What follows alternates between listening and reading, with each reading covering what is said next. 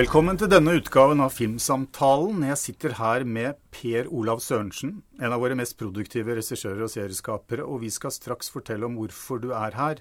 Men først, velkommen, Per Olav. Tusen hjertelig takk.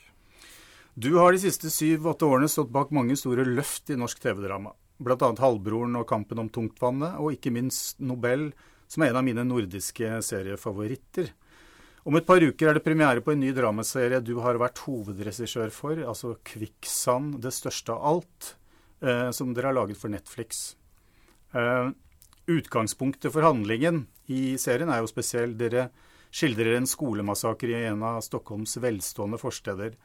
Men, etter å ha sett de to første episodene, må jeg jo si at den er svært lite blodig, og handler egentlig om noe annet. Den handler om det å være tenåring om det å være foreldre, og om hvor omskiftelig sannheten kan være. Kan du fortelle litt mer om serien? Ja, 'Quicksand', eller 'Størst av alt', som heter på svensk, er jo bygd på Marlene Perssons bok uh, 'Størst av alt'. Um, så det er jo fiction, uh, selv om den har en uh, tragic event som startposisjon. Men, um, men jeg tror når vi skulle gå inn i materien, så var det viktig for oss å se hva boken hadde, og den gjorde den så spesiell. og Boken er veldig godt skrevet, syns jeg. liker boken. Jeg, visste, jeg hadde lest boka faktisk før jeg ble tilbudt jobben. Um, og um, det er jo en lang monolog, egentlig, fra, i boken. Det er liksom sett fra jeg-personens ståsted mm. absolutt alt. Og det var ganske avgjørende for hvordan jeg hadde lyst til å prøve å filme det. da. For et av de første forslagene i manus fra Netflix var egentlig om ikke vi trengte voiceover. Mm. Uh, og et av de første tingene jeg sa da, var 'la oss prøve uten'. Så vi tok bort det, og så var det også et, eh, et annet bilde inne i manus som var Kan vi se historien fra flere sider, så vi forstår hvor hun er når? Og det tok jeg også bort. Okay. uh, og grunnen til det var at jeg syntes det var interessant å ha kamera på hovedpersonen hele tiden, denne jenta uh, på 18-19 år fordi hun står overfor så sinnssykt mange vanskelige valg. Da. Så det var Egentlig så var kameravalget og det subjektive kameraet på henne eh, Egentlig følte jeg at jeg ville tro mot boken da, når vi gjør det sånn. Mm. Eh, men det hun sier i boken, det må jo selvfølgelig da filme da, i nyansene i hennes ansikt og tanker og sånn. Så jeg, vi tok en sjanse på det, og jeg er veldig glad for at vi gjorde det, faktisk. Og du har da hatt med deg Ulf Brantås, mm. Eh, fotografen som også jobbet på Nobel sammen med deg. og eh, Det er jo et stort ansvar Hanna Ardén i mm. hovedrollen har. altså det er, det er, mye hun må bære på sine unge skuldre, og, og kameraet sirkler på en måte litt sånn rastløs rundt henne som om hun skjuler noe. Eller mm. altså, det er et mysterium der, i hvert fall. Ja. Eh, kan du si litt mer om altså Nå nevnte jo du litt hvordan dere har rammet henne inn, du og Ulf Brantås. Mm. Eh, kan du si, si, litt mer om det? Ja, nå har du sett de to første episodene. Ja. ja det skjer jo noe. det gjør det. sånn at uh, det er vel en grunn til at den er litt enigmatisk episode 1 og 2, da. Så vil man jo liksom, forhåpentligvis fjerne lag for lag på henne. Men men Ulf eh, Når vi jobbet med Nobel, så var eh, noe av ambisjonen å prøve å få til at vi eh, i stor grad følte at vi var til stede hos hovedkarakter. Da. Eh, og det vil si at vi um, jobber på teknisk sett på en litt annen måte enn ofte eh, på andre prosjekter. At vi kamera legger ikke opp til en fast framing. Altså vi framer ikke, sier at her skal vi gjøre sånn, sånn, sånn. Vi lar kamera ofte ikke vite helt hva som skjer, og så er operatørenes ansvar å frame situasjonen. Mm. Og med det mener jeg at man skal ikke uh, være pen. Man skal ikke gjøre det riktig. Man skal bare prøve å være til stede. Uh, og det er en litt annen teknikk, da. Uh, kamera blir på en måte mer en slags biceps, en slags uh, intruder da, i uh, hovedkarakterens liv. Uh, uh, og, og skuespillerne skal aldri noensinne tenke på hvor kameraet er. De flytter seg hele tiden også, de kameraene. Alle skuespillerne er på hele tiden. Altså ikke min scene, din scene. det er lange tagninger. sånn at er det en, en, scene på ti minutter, så er det to eller tre kameraer der, og så gjør vi den på ti minutter. Så det er nesten for å glemme at vi gjør film, uh, på en måte. Mm. skal bare gjøre situasjon, situasjon, situasjon. Mm. Så noe av det som kanskje skiller den, det som jeg gjør f.eks. med ja, åpningsscenen i Nobel, f.eks., eller festscenen som du har sett i Quicksand, så er det fryktelig mange mennesker med. Og det er nok viktig for meg at når man skal gjøre et, et, et, et eh, torv i Afghanistan eller en, et partysted i Stockholm, så er det viktig at det er stappfullt av folk. Eh, det, det gjør at eh, karakteren må bevege seg i et landskap hvor de får en uh, naturlig motstand. Det ser bedre ut, syns jeg. Mm. Og statistene blir ikke statister, det blir scenografi, da. Så for å få til den rastløse følelsen, så må vi også omgi hovedkarakterene våre med motstand. Og det er ofte flere, litt flere kropper enn man er, ofte bruker i skandinavisk TV-film. Mm. Uh, å skildre skolemassakrer er jo en sensitiv affære i vår tid, men altså i motsetning til 22. juli-filmene så, så, har man jo ikke virkelig ofre å forholde seg til.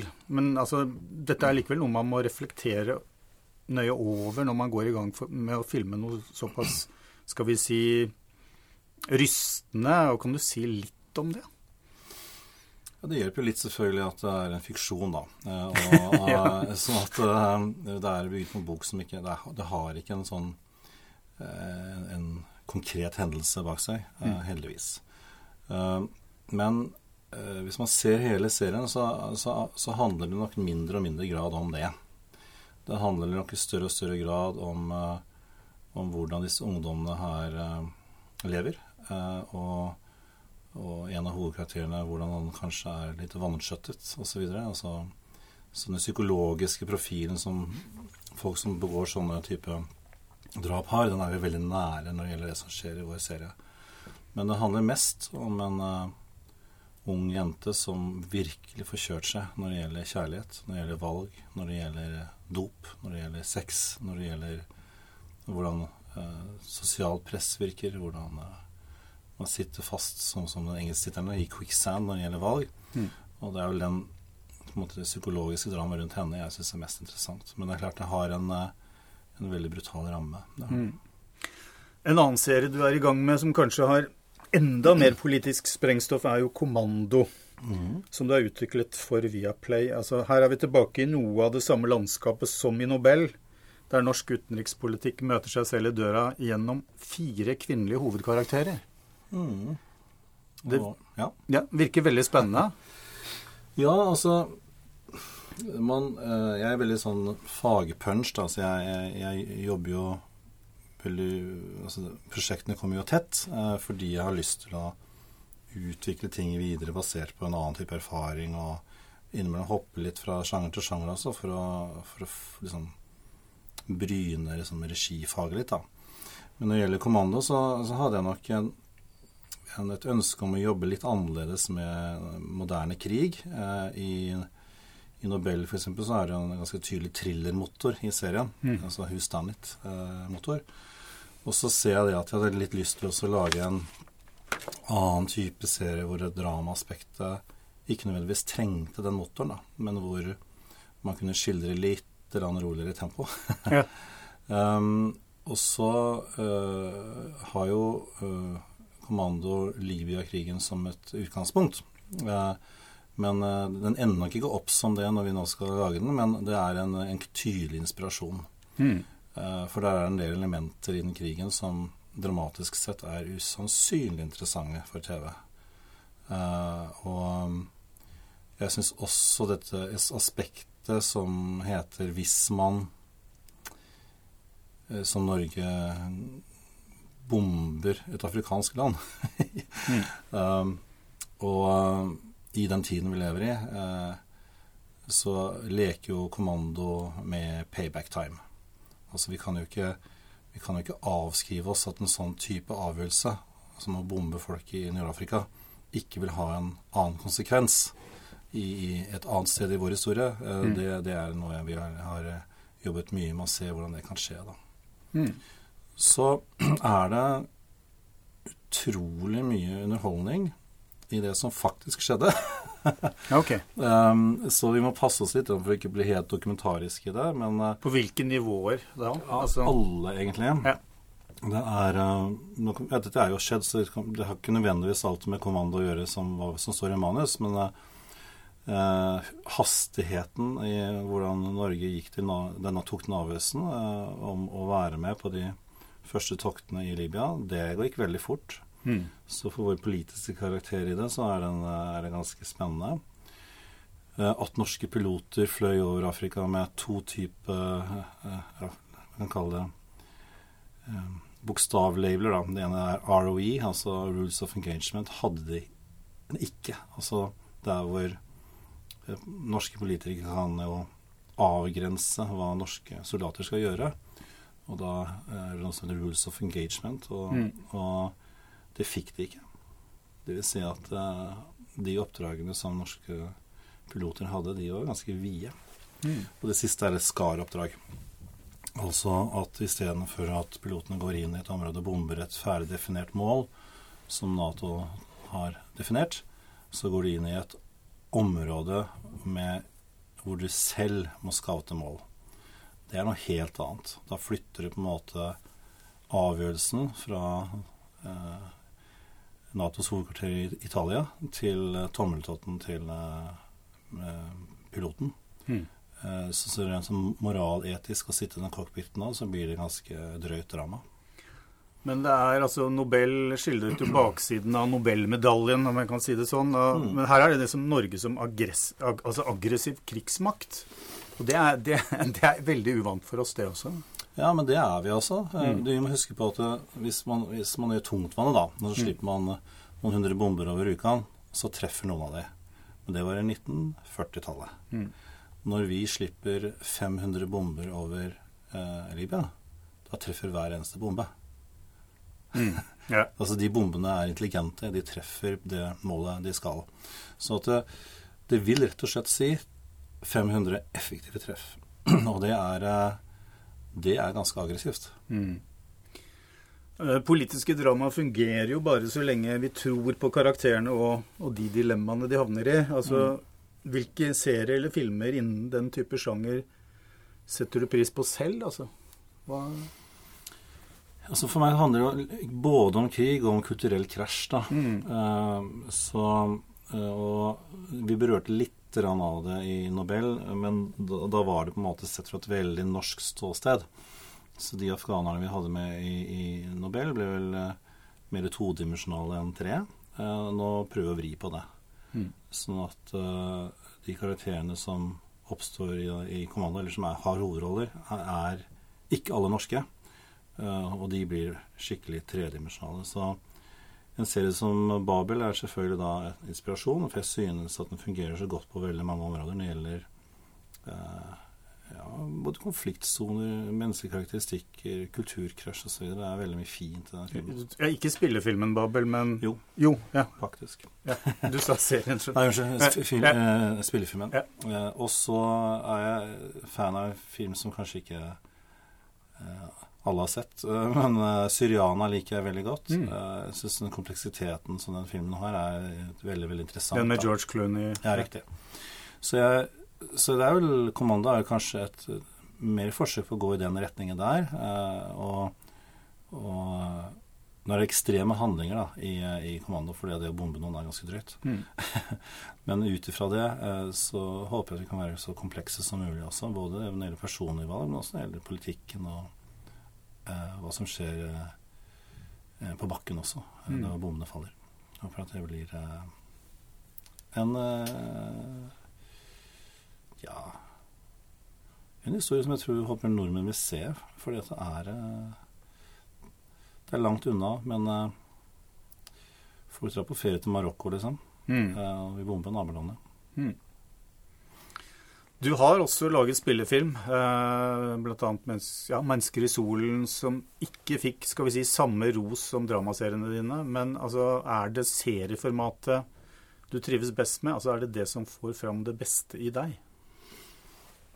For det er jo akkurat nå Nå har du jo vært inne i en, noen år hvor, hvor det har vært hovedfokuset. Virker det sånn? Ja, altså øh, film, da. Det er jo ofte en, en ganske langsom prosess. Og, og når det gjelder menneskehistorien, så var det en uh, konsulentstøttet film. Mm. Jeg hadde en annen film her på huset også, på NFI, som uh, var i samme periode, som var mer normal enn en, en, en dommedagskomedie. Men så var det dommedagskomedien som fikk uh, penger, da. Ja. Um, nei, altså Jeg er vel ikke så redd for å, å mislykkes eller feile, på en måte. Det har jeg kanskje litt med meg fra teateret, At vi, at ja, prøver ut ting. Man skal jo lære av noe. Ja. ja.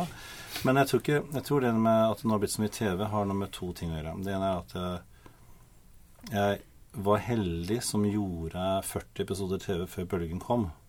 For jeg gjorde 30 episoder Sex om oss og 10 mm. episoder Alireza. Altså før dramabølgen kom? Ja, før ja. Drama, sånn og så gjorde jeg tre episoder med Honningfellen.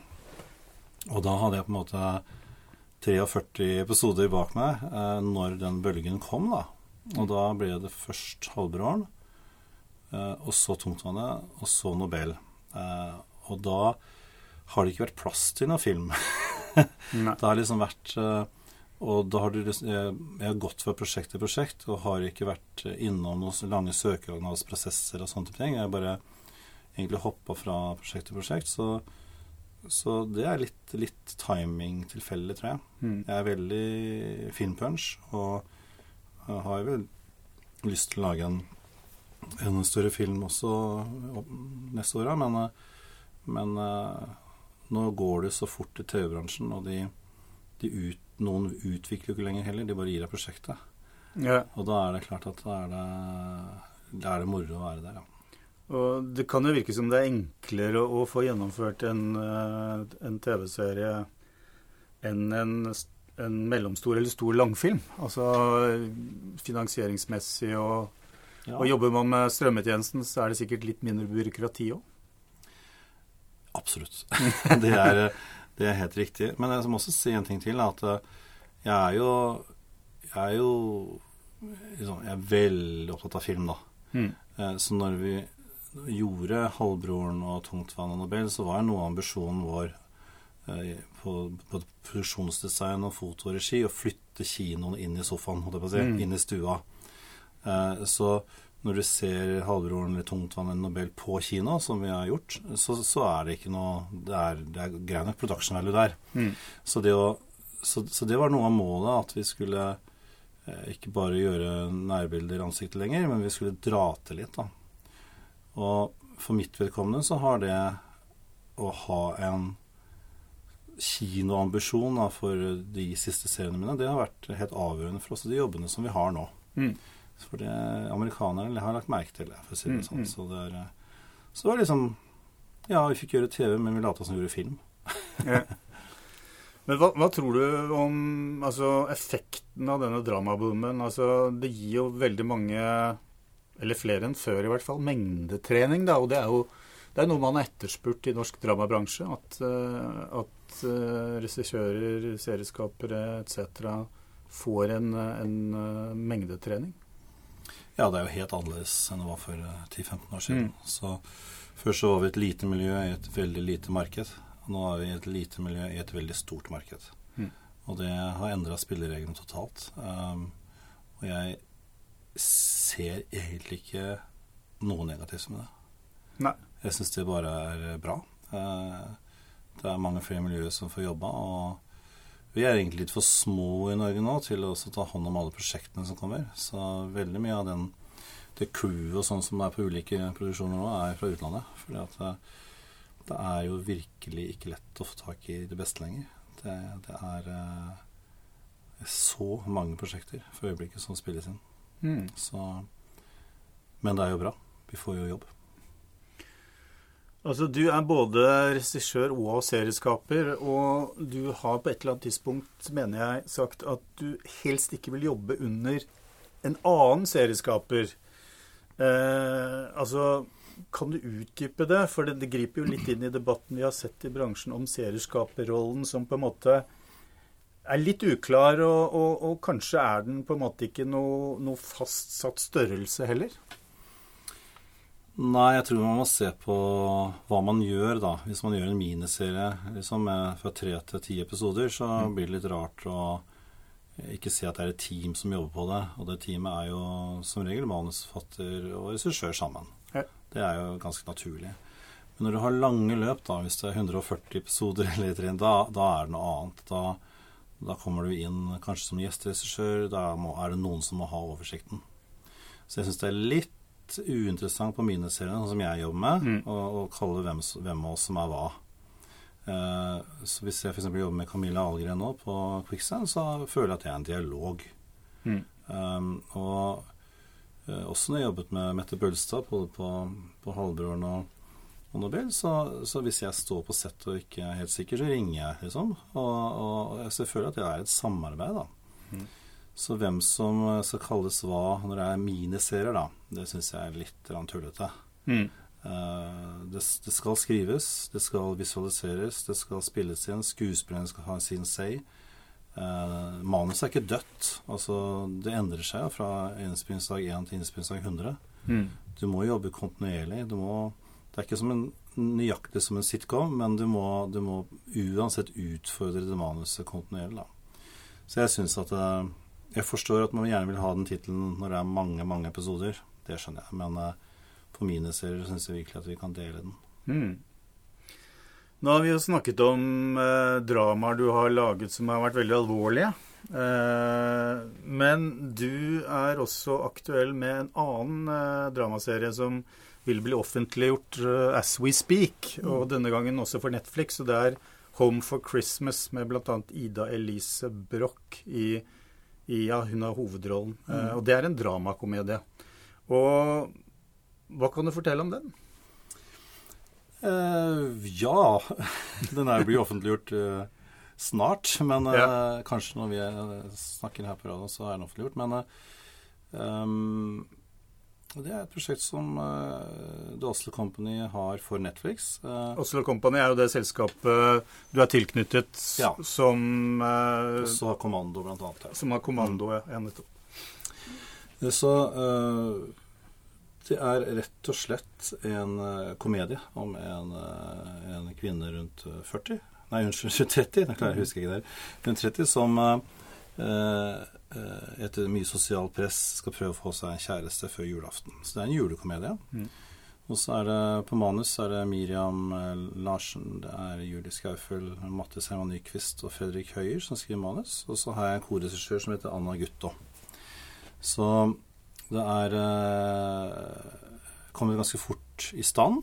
Eh, det har en veldig kort eh, forberedelsestid. Det er ingen hemmelighet. Men det er også litt sånn å jobbe med eh, Netflix også, at de, de kan ta veldig raske avgjørelser. Og så må jo vi selvfølgelig svare på om vi skal gjennomføre prosjektet For det så kort tid. Mm. Men denne gangen gjorde vi det. Um, uh, Hvilke forutsetninger skal være til stede for at du, du kan gjennomføre noe såpass raskt? Altså uh, Noen ganger gjør jeg også ting nesten fordi det nesten ser helt umulig ut. ja. uh, men hadde, vi hadde et veldig godt skrivelag, de, de fire jeg nettopp nevnte. Uh, og så så vi at vi også hadde vi veldig flaks med hovedcrewet vårt. Da, altså hvilke avdelingsledere vi kunne få på så kort tid. Mm. Da var det liksom, Der sto stjernene akkurat for oss.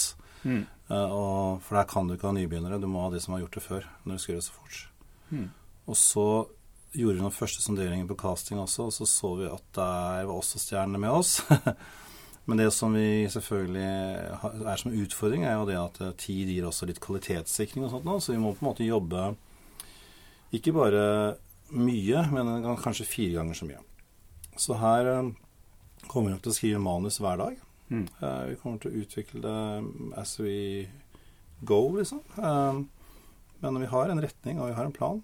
Og så er det jo ofte manusgruppe av skuespillere og, og meg å få folk til å le, da. Mm. Eh, det er en moderne historie. Eh, den har jo så, mange tvister at det selv om den høres tradisjonell ut, så er den ikke det. Men, eh, så det er en grunn til at Netflix vil ha den. Ja, det er hyggelig. Ja.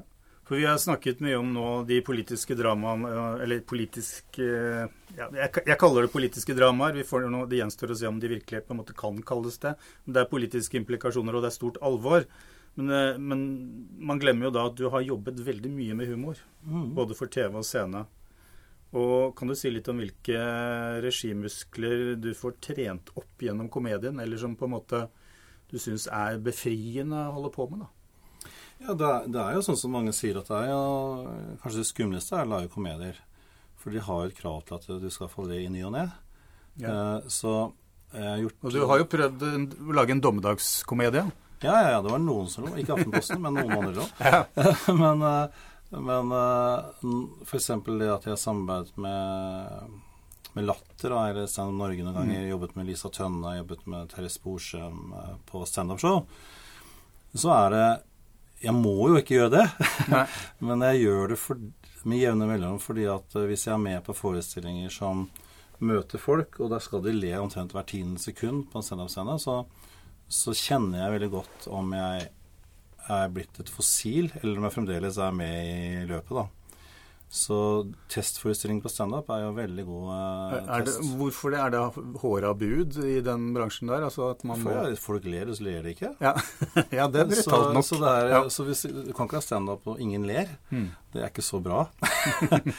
så det er veldig brutalt. Altså for, for, meg er det liksom uh, For jeg skal kommunisere enten det er komedie eller drama på serier også, som jeg også kjenner etter og som jeg kan jeg fremdeles uh, kommunisere, da. Mm, mm. Og, kom og, komedier og vitser og sånt endrer seg veldig fort. Så liksom det som er morsomt uh, i 2010, er ikke morsomt i 2018. Så det er veldig, veldig, veldig spennende. Uh, og derfor, når jeg nå skal gjøre denne Home for Christmas, så er det jo viktig å si det at jeg gjør ikke det aleine. Der, der er det mange gode manusforfattere. Der er det folk som har eh, erfaring for å skrive for standup også. Mm. Eh, det er mange komikere med i serien. Eh, så her er, det, her er, det, viktig å bare si at jeg skal prøve å orkestrere det på best mulig måte. Men Og hvis det er situasjoner og sånn som alle skriver om ler av, da er det nok en bra scene.